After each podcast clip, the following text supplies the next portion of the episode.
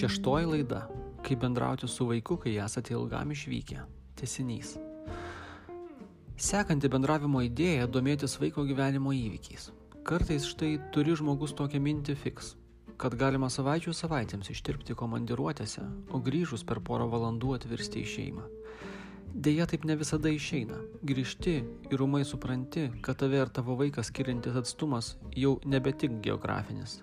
Todėl labai svarbu domėtis vaiko gyvenimo įvykiais net ir tada, kai esame išvykę. Kol mamos ar tėčio nėra, vaikas gyvena.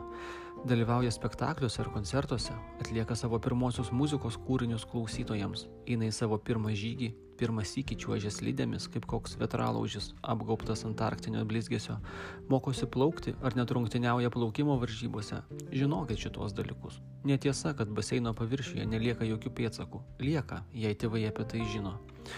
Varžybų išvakarėse drąsinkit, po visko atsiųskit sveikinimą, Užsakykite per internetą pergalės, o gal kurį sykį pralaimėjimas klaidantį tortą, kuris padės, jeigu vaikas šiuo metu yra kažkokios nepavykusios estafetės sutemose ir vaikšto liūdėdamas, o gal ruščia žodžiaudamas ir visais velniais grumodamas. Tegul kepikla prideda kortelę, kurioje rašoma, kad jūs tai džiaugiatės ir didžiuojatės vaiko pastangom, linkite tolimesnės sėkmės ir svarbiausia, tikitės, kad jiems smagu ir įdomu veikti dalykus, kuriuos jis veikia. Ketvirtoji - lobio paieškų idėja. Ja geriausiai supras tie, kas patys vaikystėje skaitė Robertą Louisą Stevensoną ir yra pravėrę senojo admirolo Bembau duris. Stevensonas tai autorius parašęs Lobių salą. Knygą užvaldžiusią daugybės vaikų širdis, kuri iki šiol yra visos nuotikinės vaikų literatūros prototipas. Kiekviena vaikų nuotikių knyga bent šiek tiek yra Lobių sala. Taigi, prieš išvykdami iš namų paslėpkite žemę į lobį. Jei jaučiate, kad jūsų vaikui gali būti smagu pasinerti į tokį nuotykį. Pasirūpinkit gerų įpakavimų nuo drėgmės, nepamirškit, kur užkasit, nupieškit žemėlapį. Jeigu jūsų kieme gausų kurmių ar kitų požemio padarų, lobį galite slėpti kokiai nors kamaroj name ar bute. Kai busite išvykę paštu, atsiųskit savo vaikui žemėlapį, kuriuo naudodamasis jis galės tą lobį surasti. Telefonu domėkitės, kaip sekasi lobio ieškoti. Galit sužaisti žaidimą šiltą šaltą, kai vaikas vaikšto su telefonu tarp kelių pastirusių medelių kieme ieškodamas lobio ir pasakoja, kur šiuo metu jis yra. Siūskit namuose likusią mamą ar tėti vaikui į pagalbą. Tegul seka pridurmui ir padeda, jeigu vaikas lobio neranda.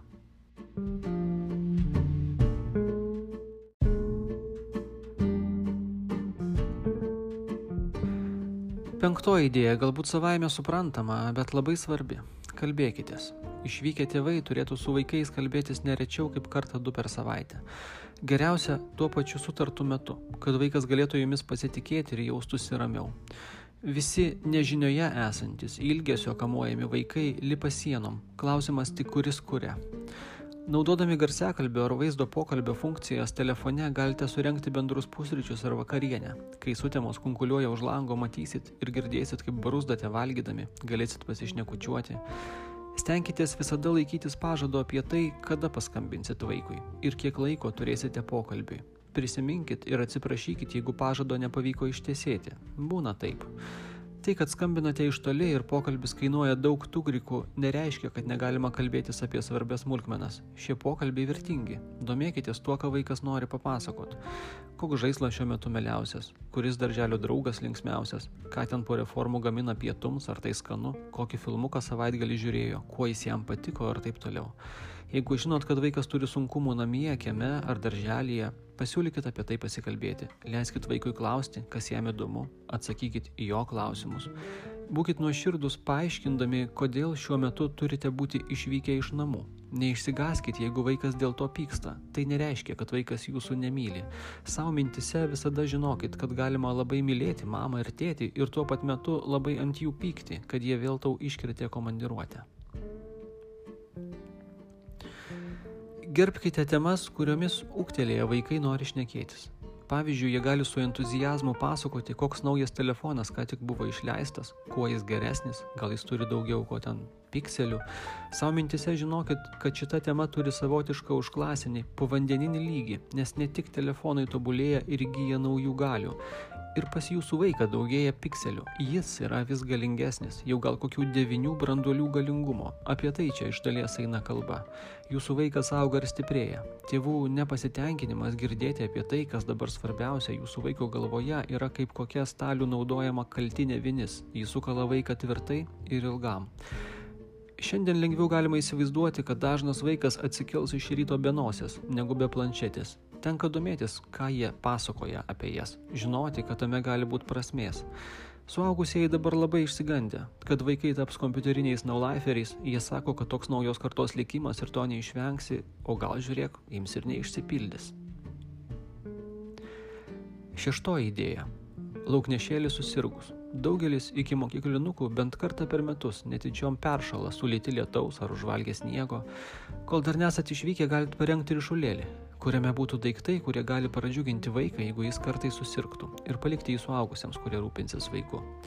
Geriausia žinoma, kad jūsų vaikas būtų sveikas, bet jeigu jam kartą dėl lygos teks likti namuose, bus malonu žinoti, kad jūs juo iš anksto pasirūpinot, parengdamas ryšulį, kuriame šiltas pledas, kompaktinis diskas su pasaka ar paveikslėlių knygelė, mažas minkštas žaislas, atvirukas su linkėjimu pasveikti, mėtinė pastilė ar dar kažkas kita, ką parinkot, tikėdamėsi, jog tai padės mažam vaikui jaustis geriau, kai jis turės likti lovoj, gerdamas vaistus. Šių daiktų nebūtinai turi būti daug, svarbu jūsų rūpestis rūpestis.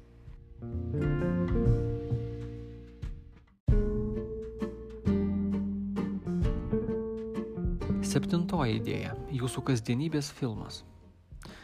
Sukurkit mėgėjišką dokumentinį filmą apie tai, ką išvykęs tėtis ar mama veikia per visą eilinę darbo dieną. Šis filmas gali būti labai mėgėjiškas, atsipalaiduokit. Tiesiog nufilmuokit savo stalą ryte, papasakokit, ką to jau pats sukrimsit pusryčiam, dar stotelę, kur laukiat autobuso, vietą, kur pietaujate ir kurioje dirbate. Pristatykit kokį nors kolegą, tegul jis mojuoja ir ką nors sako į ekraną, labas, aš Artūras.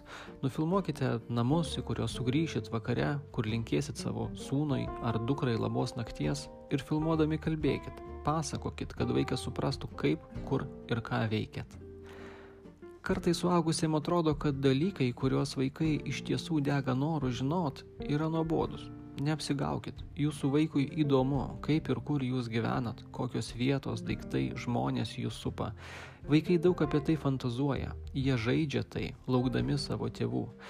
Jei pats norės, jūsų vaikas, suaugusiu padedamas, gali sukurti tokį pat filmą apie savo dieną. Jis ne tik papasakos apie save, bet ir išmoks daug. Peržiūrėję filmą telefonu užduokite savo vaikui įvairių klausimų, kad jis galėtų papasakoti jums daugiau apie tai, kaip gyvena. Technologijos pačios savaime nėra blogas dalykas vaikams. Klausimas, kaip mes jas panaudojam, ar jos mus jungia, ar skiria. Daugelis dalykų, kuriuos išvardinau, tinka jau šiek tiek paaugusiems vaikams. Labai mažiem vaikam reikalingas tiesioginis ryšys su šalia esančiu suaugusiuoju.